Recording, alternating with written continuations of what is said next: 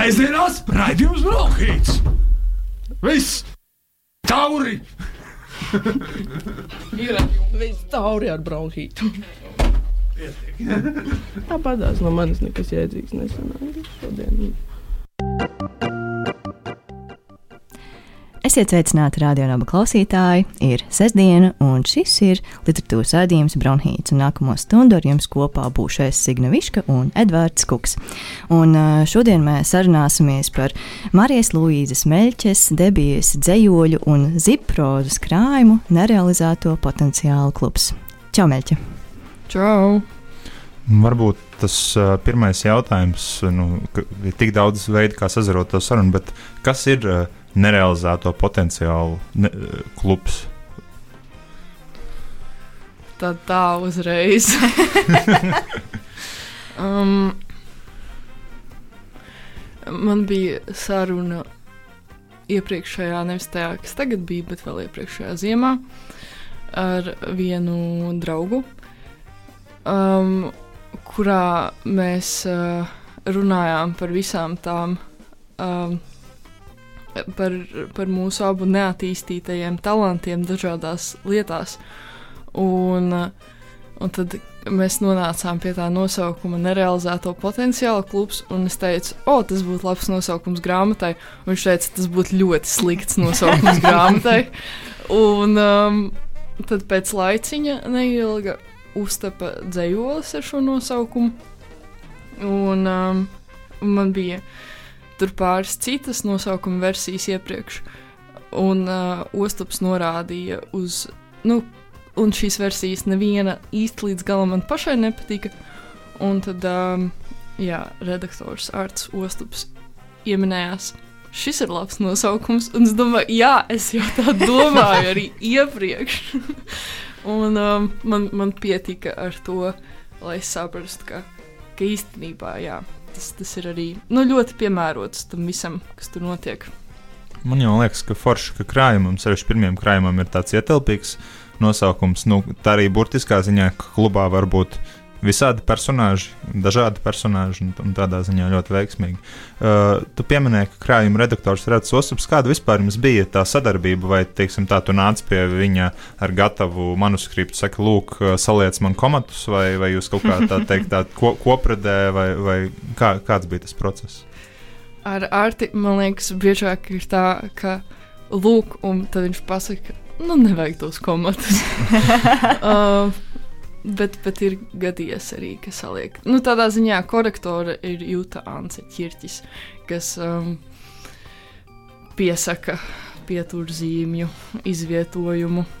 Um, bet jā, tas process bija tāds, ka es sataisīju vienu manuskripta versiju, tad es viņu iznīcināju, tad es sataisīju vēl vienu, tad es to aizsūtīju Ostapam. Tad uh, viņš to parediģēja. Un tad es ierosināju ielikt vēl dzējoļus tajā, tad mēs par to vienojāmies. Un tad um, bija gatavs šis manuskripts. Un tad bija ļoti ilgs laiks, kurā nekas nenotika. Un tad es atkal iznīcināju daļu no šī gatavā manuskripta un aizvietoju ar citu saturu un tad vēlreiz parādīju Artim. Un tagad, jā, tā, tā, tas pēdējais pieejams arī ir bijis pēdējais.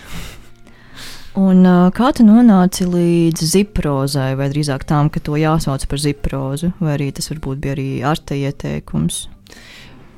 Šo vārdiņu mūsu savstarpējā komunikācijā iesāka lietot Raimons Čirķis. Un tas man stipri iet pie sirds, un tad es ieraudzīju, ka man ir iespēja iešmugulēt um, Latvijas literatūrā oficiāli šo lielisko apzīmējumu, un, un tā, tā tas notika. Bet. Es patiesībā pat nejautāju atļauju Ostupam, jo tas tiešām bija tāda mana pēdējā brīža attapšanās, ka es taču tā arī gribu izdarīt. Bet šis uh, process no tāda sākuma līdz beigām, vai es pat nezinu, kā, kur, kur vilkt to sākumu, bet, nu, teiksim, kāda ir tā krājuma tapšana, kad tev ir tas pirmais punkts. Nu, Kad tagad, kad viņš ir skat, gatavs, tas skaties, nu, tur viņš sākās tajā, tajā vietā, vai ar to dzējoli. Vai... Es nesapratu jautājumu. Nu, kad tu sāki strādāt pie krājuma? Um, kad es sāku, nu, pirmo reizi es sāku tā apzināti e, likt blakus tekstus mm, 20. gada oktobrī Ventspils rakstnieku mājā. Hmm. Un nekas no tā nav saglabājies. Um, nu, kaut kādi daži dzējoļi ir, bet, bet es tur visu pārdomāju, kā es gribu to darīt. Um, bet, bet jā, tas ir tāds pirmais brīdis, kad es sāku apzināti domāt par šo darbiņu. Kāda bija pieredze eh, rakstnieku mājā? Tas bija eh, teikt, iespēja reāli pieslēgties, vai tas, tas ir tāds mazliet uz, uzburts iespējas? Tas bija ļoti depresīvs brīdis manā dzīvē, kur nevar ne palīdzēt, ne, uh, nepalīdzēt Vēnspils rakstnieku māja, un tas vairāk um, laiks, ko es tur pavadīju, saistās ar to, ka es vienkārši jūtos slikti. Un, um, jā, bet vispār tur ir dikti jauki, un es ļoti ceru tur atgriezties kādā tādā radoši, mm, jaukā brīdī savā dzīvē. Jā, nu, tas no, noteikti, un, protams, uh, uz, uz atgriešanos ga- galvenais, ka ar kaut kādiem jauniem iespaidiem noteikti gan arī pa, pa jaunu, tā teikt, satikt to māju uz citiem nosacījumiem. Jā, jā.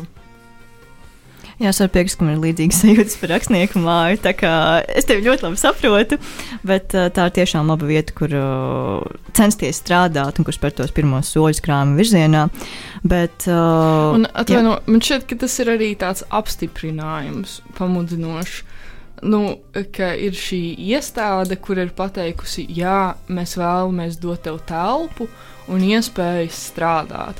Tas arī tomēr ietekmē to nu, sajūtu par savu darbu. Jā, viennozīmīgi, nu, ka kāds arī notic tev, un līdz ar to ir uh, arī tā sajūta, ka tu tiec tā pastumtas priekš, un ok, man tagad ir jāraksta. Pat ja tu jau tāpat zini, ka tu rakstīsi. Bet, uh, jā, un uh, mans jautājums ir tāds, vai. Nu, es skatos šo krāmu, un uh, man tiešām bija ļoti, ļoti patīkami to lasīt, jo tas kaut kā arī labi, tik ļoti labi iedras laikmatīgajā dzīslas ainā. Nu, mēs ar uh, Kuku arī vakar runājām pa telefonu par uh, šo raidījumu, un uh, mēs arī pieminējām uh, Henriku un uh, arī Annabelu Kausku un uh, viņu krājumus, un ka šis arī kā ļoti labi kā iedras tajā visā, un ka šī arī savā ziņā ir. Uh, laika biedru fiksācija. Pat ja daudzās vietās cilvēki ir nosaukti tikai ar uh, pirmo vārdu burtu vai arī ar uh, iniciāli, uh, tie tomēr ir uh, visdrīzāk īsti cilvēki, par kuriem tu runā. Un tad uh, jautājums ir uh, tāds, kāda loma dzējai un vispār literatūrai ir uh, cilvēku piefiksēšanai, dokumentācijai. Um, man ir um, daļai konkrētās zināšanās, bet arī pēc sajūtas tāds iespējas, ka vienmēr jau cilvēki ir rakstījuši par reāliem cilvēkiem viņu dzīvēs, tikai nu, tu nomaini personāžam vārdu un mazliet izskatu un piefantazē vēl kaut kādus dažus uh, notikumu pavērsienus, un, un, un, un tad tā ir, tā ir literatūra, nevis dokumentācija. Bet man šķiet, ka šobrīd jā, ka tas ir tāds nelaikmetīgs pieejams. Kaut kā liekas, ka nav nepieciešams kaut kā aizšifrēt šos te um, mm, au, autentiskos notikumus, ka, ka droši var um, nu jā, neizlikties, ka tas, ka es to izdomāju pati visu, bet es varu teikt, jā, nu tā bija, un tā tāpat ir literatūra. Um, bet, jā, nu līdz ko tu raksti, tā jau ir arī uh, fikcija. Tāpēc, ka neviens notikums nav uh, tikai skatāms no viena skatu punkta. Vai es izvēlos stāstīt kādu notikumu, jau, tas jau ir tāds māksliniecisks akts, jo es um, to izstāstu kā tādu lineāru. Vai kaut vai tur ir jaukta tā notikuma attīstība, nu īpaši dzējā jau tas vispār tā ļoti staigājoši, bet pat ja tā ir tāda kolāža no reāliem notikumiem, tā tomēr ir kolāža. Un tas nav tāds pilnīgi uzticams avots par nepatiesībā, pat par manu pieredzi, kāda tur ir tur viscaur bijusi, un, un vēl mazāk, um, ko varbūt kāds cits domātu par to, kas ir bijis klātesošs. Bet tev pēc tam pārlasot to tekstu ir svarīgi Vai cik tev ir svarīgi tas, lai tu, teiksim, tur atpazīsti tos īstos cilvēkus un notikumus? Vai tu arī pēc tam pārlasot, esi to jau tādā kaut kādā ziņā palaidusi vaļā?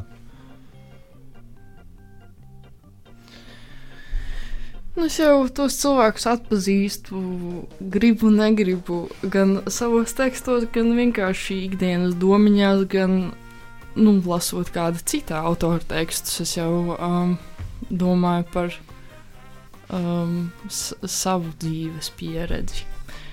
Uh, bet, um, nu, tā konkrēti paskatoties, tur ir, nu, piemēram, tas viens teksts, kurā um, kaut kādi citplanētieši mani nolaupa. un, un tad es tur redzu visu kaut ko, kas tur ir noticis. Nu, kā, nu, tā, jā. Um, nu, tur ir dokumentālais aspekts tajā visā, protams. bet, uh, bet tur arī kaut kas cits. Un man šķiet, ka vairumā to tekstu, un tad tur ir piemēram viens sapņa pāraksts, kurā arī ir vārdi minēti. Bet, um, nu, mm, man liekas, ka es drusku tā tomēr spēlējos ar šiem. Ar, um, šo īsto cilvēku tēliem. Un, um, jā, es nezinu, vai man ir svarīgi viņus atpazīt šajos tekstos. Man, es, es vienkārši zinu, ka viņi tur ir. Man varbūt interesantāk ir atpazīt, kāpēc tieši viņi man ir tagad tik ļoti svarīgi, um, cilājot šo vai citu tēmu.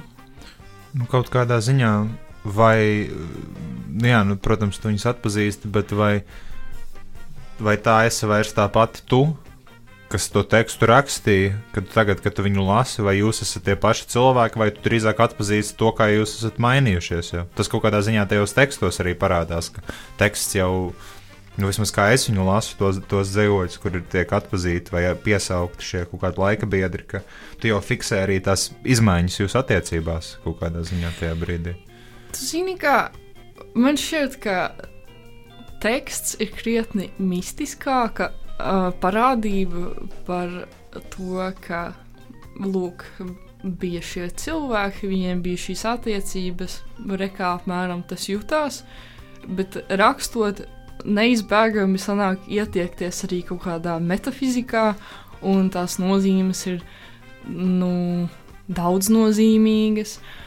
Un, uh, Nu, tāpat kā sapņa pierakstu, var skatīties un domāt, jā, nu viņi tur iet un kaut ko dara, bet ko tas nozīmē un, un kādi tēli uh, tur parādās, varbūt fonā un kā, nu, ko, ko veido tie. Un tāpat ir arī ar nu, tipa dokumentālu aprakstu, ka, ka viņš ir pilns ar detaļām tomēr un ka ir viena šī līnija, kurā es izstāstu notikumu, bet tas viss ir tā sazarots, un, un es, um, es uh, nu, kaut kā līdzīgi kā mēs nevaram izsekot līdzi tam, uh, kāpēc tieši. Kāpēc esmu tieši labo kāju pārlikus pāri krēsē, un kāpēc es šādi žestikulēju ar rokām, kamēr šobrīd runāju, un kāpēc mēs tagad tieši tādā trīsstūrī ap, esam apsēdušies, nevis kādā citā. Labi, mums ir pamatojumi tam, it kā, um, kurš sēdēs pie pults un, un uh, kurš nesēdēs pie viņas un kāpēc. Bet tomēr tur ir kaut kas vairāk. Un, uh, un tāpat tekstā, nu, kāpēc man, man, man patīk to uztvert kā, kā, kā dzējolis vai ziproza vai kā jebkurš teksts, ko es esmu pati uzrakstījusi, šis tāds atvērts, un es nezinu, kas viņā notiek īsti. Un es katrā ziņā man nav interesanti to noīsināt līdz tam, ka mums bija šīs attiecības, te to var redzēt. Mhm. Un runājot par rakstīšanu, cik viegli tev nāk teksti, vai tā, ka tu uzraksti un tu ļoti daudz slīpē un rediģē, vai tu centies saglabāt to pirmo sākotnējo versiju pēc iespējas vairāk? Nu, bez tādas lielas cenšanās es um, vienkārši saglabāju lielā mērā to pirmo versiju. Nu, es rakstot paralēli rediģēju, Mm. Ka es tur esmu uzrakstījis dažas rindiņas. Tad es paskatos viņām vēlreiz, kaut ko pamainu, tad rakstu nākamo, un, un tādā veidā. Un tad, kad es, tas teksts ir salicies kopā, tad es tur vēl dažas reizes viņu izlasu, un varbūt izceru kādu um, negludumu, vai tieši ielieku vēl kādu negludumu speciāli. Un, un tā, bet uh, es, es nu, tā nesēžu un baigi nestrādāju ar viņiem. Tas brīdis, kurā es rakstu, ir diezgan intensīvs, bet uh, nu, tur, arī,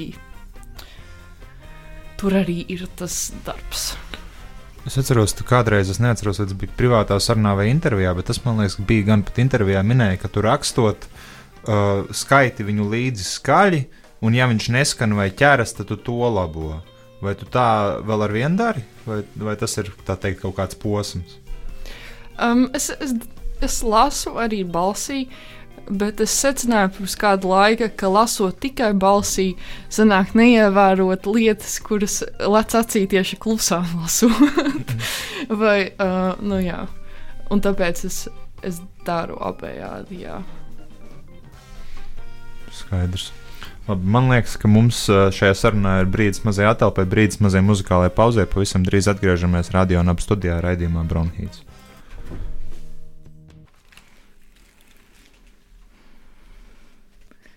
Re, kur, piemēram, viens dokumentāls dzējolis. Man galīgi nebija ko darīt, tāpēc sāku rakstīt dzējoli. Uzrakstīju dzējoli, tad sāku rakstīt vēl vienu. Turpināju rakstīt dzējoļus, tagad esmu dzēniece. Burvīgi. Kad tu saprati, ka tu esi dzēniece? Kad es biju sarakstījusi pietiekami daudz dzējoļus, laikam, Cik ir pietiekami daudz vispār? Tas ir jautājums kukam. Tā Kā, kas ir pietiekami daudz Kuk- dzējoļu? kad pietiek. Nu, man jau liekas, ka nekad nepietiek. es, ne, es, tas ir labs jautājums par to, kad. Bet es ļoti labi saprotu to sajūtu, nu, ka, jā, ka vienā brīdī, nu, labi, nu, tagad es esmu dzīvnieks. tu, tu arī kaut kādā, tas bija diskusijā gadā, kad bija ļoti maz debiju. Teica, ka, nu, kam mums tās grāmatas izdot, mēs taču viens otru, mēs taču faktiski cits citam tos dzējos varam arī rādīt un lasīt. Un tad, lai Ilmārs vai kas tad teica, nu, bet mums vajag, mums vajag tās grāmatas no jums. Jā, nu, tas, kas mainījās, uh, bija, ka iz, sāka izplatīties pasaulē viens tāds nāvējošs vīrus, kas sasēdināja mūs visus mājās, un mēs vairs nevarējām satikties. Un, um, un jebkāda atgriezeniskā saikne pā, nu, sarāvās. Um, kas noteikti ir arī pamudinājis šīs grāmatas tapšanu. Uh, jo man arī, lai cik nepoētiska motivācija tā būtu, tomēr kļuva žēl, ka es publicēju dzējoļus, tad tie ir kādas divas dienas aktuāli Facebook plūsmā, un tad viņus aizskalo tā traume kaut kur citur. Un, un tas ir. Um, nu, gribas, gribas ierādīt kaut kādas mājas viņiem, tiem gana daudzajiem dzējoļiem. Nu, un arī tas ir tāds, teiksim, tā atskaites punkts uz nākotni skatoties. Es nezinu, kā, kā, kā tev ir ar to kaut kādu savas rakstības virzību, vai jūties tā, ka, nu, teiksim, nu, es esmu pabeigusi šo grāmatu, un tagad es rakstīšu kaut ko citu, vai vienkārši kaut ko nākamo. Es domāju, ka tas ir novērojams jau. Um, Bet, lai par to spriež uh, cilvēki pēcāk, um, bet uh, gan jau, ka arī šobrīd rakstītajos tekstos, kas ir um, pēc manuskripta pabeigšanas, gala versijas, uh, viņi ir mazliet citādi. Tur ir kaut kāda attīstība notikusi. Nu, un, um, nu, ne, neizbēgami šis ir atskaites punkts, un tad nākamais būs kaut kas cits. Būtu kaut kā traģiski, ja tas tā nebūtu. Ka, tad, tad, tad jau man pietiktu ar šo grāmatu, ja tur nekas pēc tam jauns neveidotos. Bet es tiešām jūtos tā, ka tas ir. Tas vairāk attiecas. Nu, es, man kaut kāds nu, vārdiņš šori, šodien ir pieķēries. Uh, un, uh, bet, jā, es jau teicu, uh, ārpus ieraksta, ka šī ir mana pirmā saruna šodien ar dzīvām dvēselēm. Un vispār ir interesanti tas, es iepriekš runāju ar mirušajām dvēselēm, saprotu, visas dienas garumā, ka kaut kāda tā izolācija, lai gan viņa vairs nav obligāta, man šķiet, ir pieķērusies un palikusi jūsu piekrītoši mājat ar galvu. Kaut kāda līdzīga sajūta ir. Man ir tāda sajūta, ka es visu kaut kur gribu aiziet, bet turnē un turnē un turnē. Un beigās es, es gribu visu kaut kur iet, bet es secinu, ka es vairāk palieku mājās nekā pirms tam. Jā, nu kaut kā trauksmē nāk, trauksme ir krietni augusi, iekšējā trauksme un kaut kā. Tieši par atrašanos sabiedrībā. Arī jā, un vispār par dzīvi. Man ir tā, bet man tā laikam ir bijis vienmēr. Ka... Nu, vispār it kā mums vajadzētu intervēt tevi. Bet, nē, nē, bet jā, jau mēs esam. Ka man ļoti gribas satikt cilvēkus, bet man negribas iet uz pasākumiem. Hmm. Jā, Runājot par pasākumiem, vai būs krājuma atvēršana? Reikā mēs gludi tikā ārā no situācijas. Būs krājuma atvēršana, bet kaut kā nelaimīgi ir iekritis tā, ka man ir pašai viņi jāorganizē, un es esmu, kā vispār man viena draudzene ļoti lieliski raksturoja šo grāmatiņu par bezģeļņiku bībeli, un, un uh, tas arī. Um, iespējas, kāds varētu raksti, rasties par to, ka es neko daudz nedaru savā ikdienā. Tas arī tā ir um, ārpus literatūras.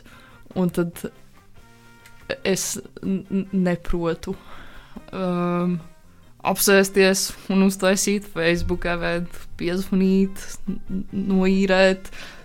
Tur to, ko vajag, un to saprast, un tā, un tā. Tas viss ir vienkāršas lietas bet viņas ir jādara. Tāpēc um, es, es vairos. Bet būs nenormāli labs atvēršanas pasākums. Tas būs ļoti, ļoti sirsnīgi un skaisti. Un jēga tam notikt ir tāda, ka mēs varēsim satikties un varēsim visi nedomāt, nu, būtu forši satikt visādus cilvēkus, bet tas pasākums nav īsti foršs un tas, un vai tad uz to vispār kāds būs. Uh, būšu um, piedabūjusi. Um, nu, vienkārši ir iemesls svētkiem, uz kuriem ir ielūgti visi šie lieliskie uh, laika biedri. Un uh, es varu atklāt informāciju, ka es uh, esmu lūgusi veselai rindai citu dzinieku arī piedalīties lasījumos, tāpēc ka man ir nozīmīgi tas, kādā klimatā mana rakstīšana ir notikusi. Un, un es uzskatu, ka šeit ir ļoti augsts, šeit Latvijā, nu, lielākoties Rīgā, gan jāsaka, diemžēl, bet ir lielisks klimats, um, kurā atrasties un attīstīt to savu būšanu dziniekam. Es, man tas vienmēr ir uh, bijis process, kas ir sasaistīts ar jums, mani draugi, un, un, un, un, uh, un tad es gribu to arī atzīmēt.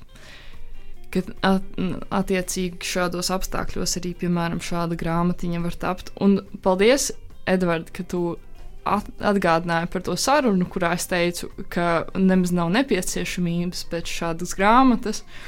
Un tas, um, nu, jo mēs esam visi kopā un varam viens otrā klausīties, un lasīt, un dalīties un attīstīties arī bez šī papīra kopā salīmētā.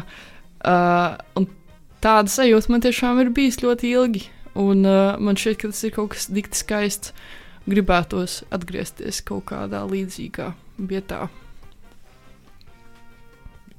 Jā, gribētos. Bet uh, šķiet, ka šajā dziļdomīgajā brīdī mēs atgriezīsimies vienīgi muzikālajā pauzē.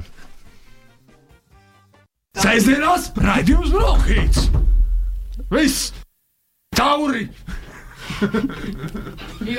Viss tauri ar bronhītu. Tāpat tās no manis nekas jēdzīgs nesanāca šodien. Esiet sveicināti atpakaļ radio un abu studijā ar jums literatūras rādījums Bronhīts, Signa Viška, Edvards Kuks un pie mums viesojas Marija Luīza Meļķa ar krājumu nerealizēto potenciālu klubs. Mēs runājam ļoti daudz par, par dzējas komunu, par tās veidošanos, par, par uh, šīs pieredzes paušanu, pastarpināt literatūrā, bet viena no lietām, kas, uh, vai tēmām, kas ļoti daudz ir uh, tavā klubā, ir, ja tā drīkst teikt, sēras. Un sērs par mīļotu, mīļotu ka kaķīti Mio, un arī bri brīnišķīgs dzējols par kaķīti Mio. Es, es, es nezinu, kādu. Kā man, kā man to pateikt? Bet... Kas ir tas, ko es gribu pajautāt? īsti, to sakot. Ah, es vēl nebiju līdz tam īsti ticis. Okay. Uh, es kaut kā Ta, tas, kā tu par viņu raksti, tomēr reizē ir salīdzinoši nu, tā gaiši un mīļi un, un, un gaisīgi. Un, un es, uh, tur īsti man tādi jautājumi nav. Vai tu gribi par to mazliet parunāt? Par to, kā tu, kā tu esi viņu šeit ar, ar dzīvniekiem. Um, nu, nu jā, tās attiecības nav sarežģītas ar kaķi, piemēram. Tāpēc, ka um, nu, viņš uz tevi paļaujas, un savā ziņā ir arī ļoti pašpietiekams. Nav tāds intensīvs arī nepieciešamības pēc tām tavām rūpēm, bet tad, kad tu esi, nu, tad, kad es uh, biju klātesoša uh, un satiku uh, kaķīti mīlu, tad es nu, vienmēr jūtu to draudzības un mīlestības apliecinājumu kur vienkārši lūdzu, ņem, tad tas ir, jo tu man patīc. Un, un uh, nu, kad viņam bija kaut kā švakāk, jau mana mamma mēdza, tas gan bija traki, sūtīt uh, WhatsApp audio ar to, kā viņš bēdīgi sņaud pie manas istabas. Un, bet tas, nu, tas bija kā, kad viņam tas vecums nāca klāts un kaut kā grūtāk viņam bija. Un nav arī īsti saprotams, nu, es nebūtu tik pārliecināta, ka viņš tiešām tur mani sauca, bet var jau būt. Um, bet jā, nu kaut kā. Tie dzīvnieci, viņi, viņi ir ļoti piedodoši un viegli kaut kā. Uh, nu tad, kad tu esi par to priecājies, tad nē, es viņu mēdzu skumt, bet mēdzu, nu, Nu, jā, ja- tu ne, neizturies kaut kā drausmīgi un nepamet viņu pavisam, tad jau nekas traks nenotiek. Bet es zinu, ka dzīvniekiem var būt depresija arī tieši saistīta ar viņu saimniekiem, um, suņiem, kaķiem. Uh, arī zivīm var būt depresija, bet, bet, bet tas neko par, par to zinu vēl mazāk. Bet, uh, jā, tas man liekas, ir kaut kas, ko var mācīties. Um, no, man ir tagad kaķis Selingers, un, mm. Un es no viņa konkrēti mācos to, ka viņam ir šie divi pamatstāvokļi, ka viņš grib mīļoties vai viņš grib spēlēties. Un ka tie ir tādi divi bruņu rūpuši, uz kuriem tiešām stāv pasaule, nu, tā labā pasaule, tā gaišā pasaule. Tā, uh, viņi stāv uz to, ka tev gribas spēlēties, un tev gribas mīļoties. Un nevajag aiziet prom no tā pamata. Um, jā, un, un, un arī kaut kā viņš tik ļoti uzstāj uz tām savām vēlmēm un nepieciešamībām, pilnīgi nekaunīgi un nemēģina kaut kā tā. Mm, varbūt tu gribētu, bet, ja nē, tad tas arī ir ok. bet, kā konkrēti lieta klāt, un viņš nav mazāk mīlams. Es, es tā, jā, tur ir daudz dzīves gudrības. Viņam gan palīdz arī tas, nu, kaķim kā tādam, ka viņš ir pārsvarā pokains. Tas ir tāds uh, atvieglojošs elements kaķim. Kā, kādā ziņā? Nu kā, viņu ir vieglāk, viņu ir vieglāk mīlēt un grūtāk atraidīt, jo viņš ir mazs, Jo viņš ir mīksts un pūkains. kūkains. Taču arī pliki kaķi. Nu, bet tāpēc es teicu pārsvarā. Ah, labi. Jā. Tu arī uh, teici par uh, gaišo pasauli, man iešāvās uh, prātā, vai ir kāda konkrēta autora dzēja vai teksti, kas tev liek justies labāk un kas te uzmundrina.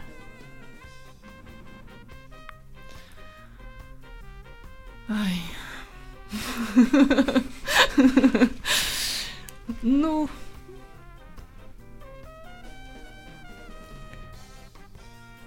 Ma, man ir kaut kāda aiztura pret tik vienkāršu jautājumu formulēšanu, jo, um, bet varbūt, es esmu sačakarēta galvā kaut kādā tādā veidā, ka es, es nevaru īsti tā paņemt grāmatu un nu, kaut kas tagad tāds jauks mm -hmm. notiks, es jutīšos bišķi priecīgāk. Uh, tas ir. Um, um, nu, man, bet mani iepriecina un apbur tas, ta, uh, tas teksta neviennozīmīgums un kas vispār notiek, kad es lasu. Un tas ir aizraujoši un tas ir forši. Un tur nostrādā uh, jebkāda literatūra, kura um, man, man nu, spēja mani iespaidot. Arī tad, ja tas ir kā kopumā nomācošs vēstījums, kā tas ir tik kaut kā veiksmīgi sarakstīts, nu, tas, tas sniedz man kaut ko tādu pozitīvu beigu beigās. Uh, tāpēc nav, nu, man nav, jā, tāds viens autors, kuru, kad es skumstu, tad palasu un jūtos priecīgāk, bet vispār lasīšanas process ļoti mēdz sapurināt un iedot kaut kādu, nu, ielikt citās sliedēs, kurās tad var turpināt to kustību pa dzīvi pēc tam. Tāpēc tas ir atgādinājums, ka, ah, jā, eksistē šis mm. viss īstenībā. Jā, to savā ziņā arī bija domājis, nu, ka vēstījums var nebūt obligāti būt super priecīgs vai kaut kā tā, bet ka tu izlasi, piemēram, nu, par kaut kādu sāpīti, kuru tu vari līdzdalīt, tad uh, negluži kļūst vieglāk, bet, nu, tu nejūties tik ļoti viens, un līdz ar to tie teksti savā ziņā palīdz.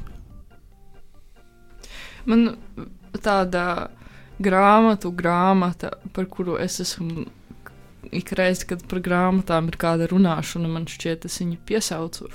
Ir Sāžas Sokolova muļķu skola, Jā, jā. kuru um, es arī vienkārši šajā pavasarī atkal paņēmu un palasīju, un es šausmīgi satrakojos uzreiz. es nespēju palikt uh, vispār, es, es nespēju saglabāt kaut kādu uh, neutralitāti pret to tekstu. Tas, uh, nu, ja ir jānosauc kaut kas viens, tad, nu, piemēram, tā grāmata ar garantiju man satricina. Bet, um, bet protams, ka, uh, nevis protams, bet es tiešām ļoti priecājos un novērtēju to, ka jaunākajā Latvijas literatūrā arī ir pietiekami daudz um, nu, tieši dzējā um, tekstu un krājumi, kuri uh, nu, arī kuru priekšā es nevaru saglabāt neutralitāti.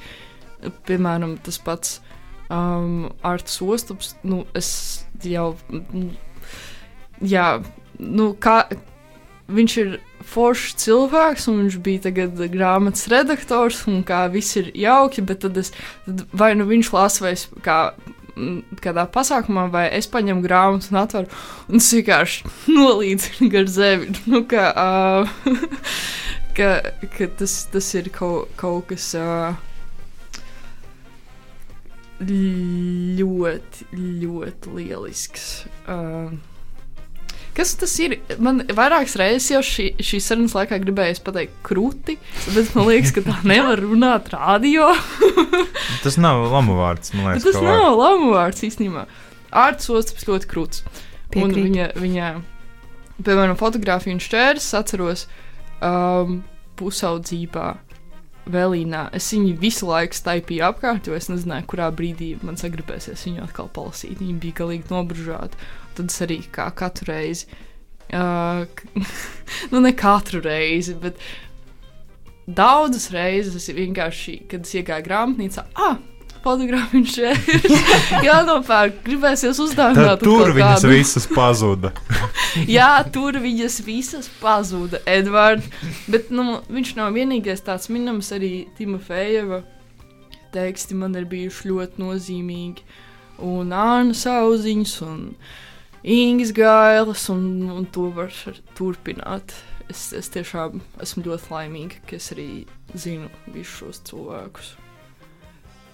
Vai tas tev kaut kādā ziņā ietekmē arī rakstot? Nu, teiksim, vai tu rakstot, domā, vai impulsu kaut kādu paņem no kolēģu tekstiem, vai tas tomēr nāk no sevis vairāk?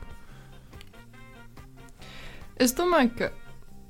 Mm, tādā jauno autoru semināra vecumā tas mēdza arī tā notikt, bet tagad nē. Ne, nu, ne, ne tā, ne tā tieši. Mm. Tas arī, nu jā.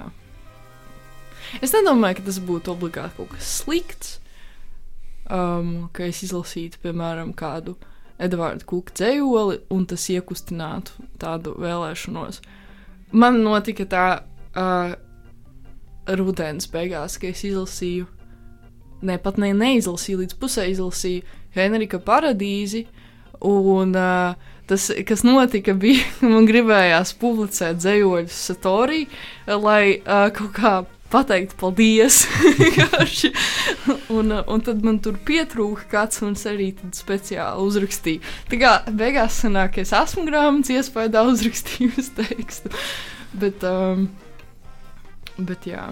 Nu, es par to kaut kādā ziņā pajautāju, tāpēc, lai es varētu pajautāt par netikumīgajiem, kuri savukārt mm. ir uh, rakstīti uh, Nu, jā, nu tas ir teksts, kurus pat nezinu, kā, kā to ierindot. Tie reizē dzējoļi un, un lugas teksts, un reizē tie ir ne, no sevis un pasūtīti, un, un, un tā un šitā. Un var, varbūt var mazliet ieskicēt, kā, kā tu, uh, kā tev bija rakstīt netikumīgajiem, un kā tu, un kā tu to skaties tagad. Jo tas jau arī bija vesels brīdis, kad tas netikumīguma jautājums tika baigi pa, pacelts.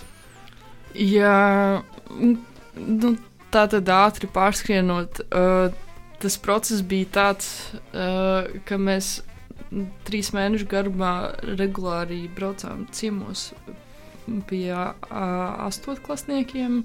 Vienas konkrētas skolas, un sēdējām viņu stundās, un mēģinājām ar viņiem sākt sadraudzēties. Ķērpīši. Ķērpīšiem, jā, un tad, kā mēs viņus nosaucām, un tad tos dzējojus mēs rakstījām par viņiem, vai nu no viņu pašu it kā skatu punkta, nu, iztēlotā vai par viņiem, bet tas, tas bija kā. Jā, un tas bija interesants process ar to, ka sākumā mēs ar Raimondu diezgan asi iestājāmies par to, ka šie ir pasūtījuma teksti, kurus mēs rakstām, tomēr domājot par šo izrādi, kas ir arī jauniešu izrāde, kas arī ierobežo to, un mēs esam izdarījuši labāko, ko mēs varējām. Bet, uh, bet tas nav, nu, ka, ka mēs it kā varam parakstīties zem viņiem tikai ar visu šo atrunu par to, mm -hmm. tiem apstākļiem, kādos šie teksti ir tapuši. Uh, bet tagad es pilnīgi nemaz tā nejūtos. Es tagad pilnīgi es uzskatu, jā, uh, šis ir nu, kaut kā. Es esmu savienojusies ar šiem tekstiem labāk nekā tajā rakstīšanas brīdī, kad tas ir pasūtījums, ka viņam ir termiņš, ka viņam ir tēma, viņam ir kaut kādas prasības, ir arī kaut kāds garums, kuram tomēr vajadzētu kaut kā atbilst, un, un skaits, cik viņiem tur ir jābūt, par ko. Un tā tālāk, tajā brīdī, tas nu jā, bija kā es iepriekš teicu, Bet spēlējot šo izrādi un laika ejot un viņus pārlasot, uh, jā, tie ir kļuvuši pilnībā par maniem tekstiem, un es esmu viņus iepazinusi no jauna. Tas ir brīnišķīgi. Es pat nezinu, vai man tur ir, ir ko piebilst, kā vien to, ka man ir žēl, ka uh, nevienu reizi tā arī netika izrādi, bet man ir prieks, ka man ir grāmata tagad mājās. Viņu mēs rādīsim vēl. Oh, Jā, jā es, un es ceru, ka es kādā no šīm reizēm tikšu, jo pat ir bijis tik traki, ka es jau esmu Latvijā, bet tik un tā netieku. Nu, mums arī ir gājis švaki ar viņas parādīšanu pēdējā laikā. Tagad, tagad pēdējo reizi um, Covid sen aizmirstais iejaucās, kas vispār likās, ne, vai tas tiešām joprojām notiek. Cilvēki var bez maskām sēdēt viens otram blakus zālē. Uh, un viss par tik daudz visu citu aktualitāšu, un tad pēkšņi kā tāds joks atceļ, tāpēc, ka um, darbinieku starpā ir uh, pozitīvs. Nē, nu, nu jā, skaidrs. bet, bet, bet jā, nu, tas tā kā, nu, es ceru, ka viņi viss ir kārtībā, un tā, um, tas tāds gandrīz vai jociņš. Jā, Mums, tuvojoties raidījuma izskaņai, varbūt ir vēl kaut kādi, kaut kādi pavadieni uz nākotni, kaut kādas tādas stīgas, kur mēs varam ievirzīt klausītāju, saprast, kas, kas notiek, piemēram, kas notiek šovasar ar žokli. Ah, oh, žoklis, pareizi. vai kas notiek, vai arī kas notiek ar Latvijas penu? Ka... Jā, um, pen strādā žoklis strādā, viss notiek. Vai šovasar ir gaidāms žokļu numurs? Ir gaidāms žokļu numurs, viņam saturs ir salikts. Man īstenībā um, man ir nu, lielā mērā uz maniem pleciem šobrīd guļ tas, cik veikli mēs viņu izdosim, jo es esmu arī iekārtotāja, un tur man ir jāsazīmē bildītas, un jāuztais vārks, un viss kaut kas. Un, un tad, ka, bet tam ir arī termiņš uzlikts. Kā kaut kad sanāk, nu, būs, būs, būs vasaras. Vai mums ir kaut kas, ko tu gribētu, kāds teksts vai sadaļa vai slēga, ko tu gribētu pareklamēt tagad mūsu klausītājiem, ko gaidīt žoklī, vai, vai lai viss paliek noslēpumā tīts? Um, mēs pēdējā brīdī izspērām uh, tādu joku par bērnu konkursu, Pareizi, redzēju Facebook. Konkursu bērniem, kas pilnīgi mistisks paziņojums bija bez jebkā, nu, kur nekas īsti precīzi netika norādīts, bet atsaucība bija. Un, un tas rezultāts bija tāds, ka es sēdēju pie datora un lasīju šos bērnu dzējoļus, un es kliedzu. Es, es burtiski kliedzu, un kaut ko tur kungstēju, un tad ārprāts, un, oh, un nē! un tādās skaņās vienkārši sēdēja pie datora un bija nežēlīgi stāvā sajūsmā. Un, um, tā bija pilnīgi spontāna ideja, bet bija tieši. Es, es domāju, ka, ka nu, tos bērnu dzējoļus vajag cilvēkiem. Viņi vienkārši sabiedrībai šis ir nepieciešams. Tie dzējoļi, kurus mums tur sasūtīja, tas ir vajadzīgs Latvijai šobrīd. Nu, brīnišķīgi. Gaidīsim. Gaidīsim, uh, gaidīsim jauno žokli, gaidīsim bērnu zemojas, lasīsim žokli, lasīsim nerealizēto potenciālu klubu. Labi, bet tā, nu, tā vienkārši ir godīgi. Tur būs arī uh, brīnišķīgi uh, tulkojumi, tādi garāki. Um, un viss vis pārējais saturs arī ir ļoti krūts. Uh, vienkārši nu, nu, tas, tas, tas bija man ļoti emocionāli. Jā. Uz šīs emocionālās uh, nots mēs uh, šodien no jums atradāmies, mīļā klausītāji, bet uz sadzirdēšanos, uz salasīšanos, un uh, nu nevar teikt, nab rīt, nab dien, nab vakar. Jā, un uz sadzirdēšanos jau nākamnedēļ. Atā!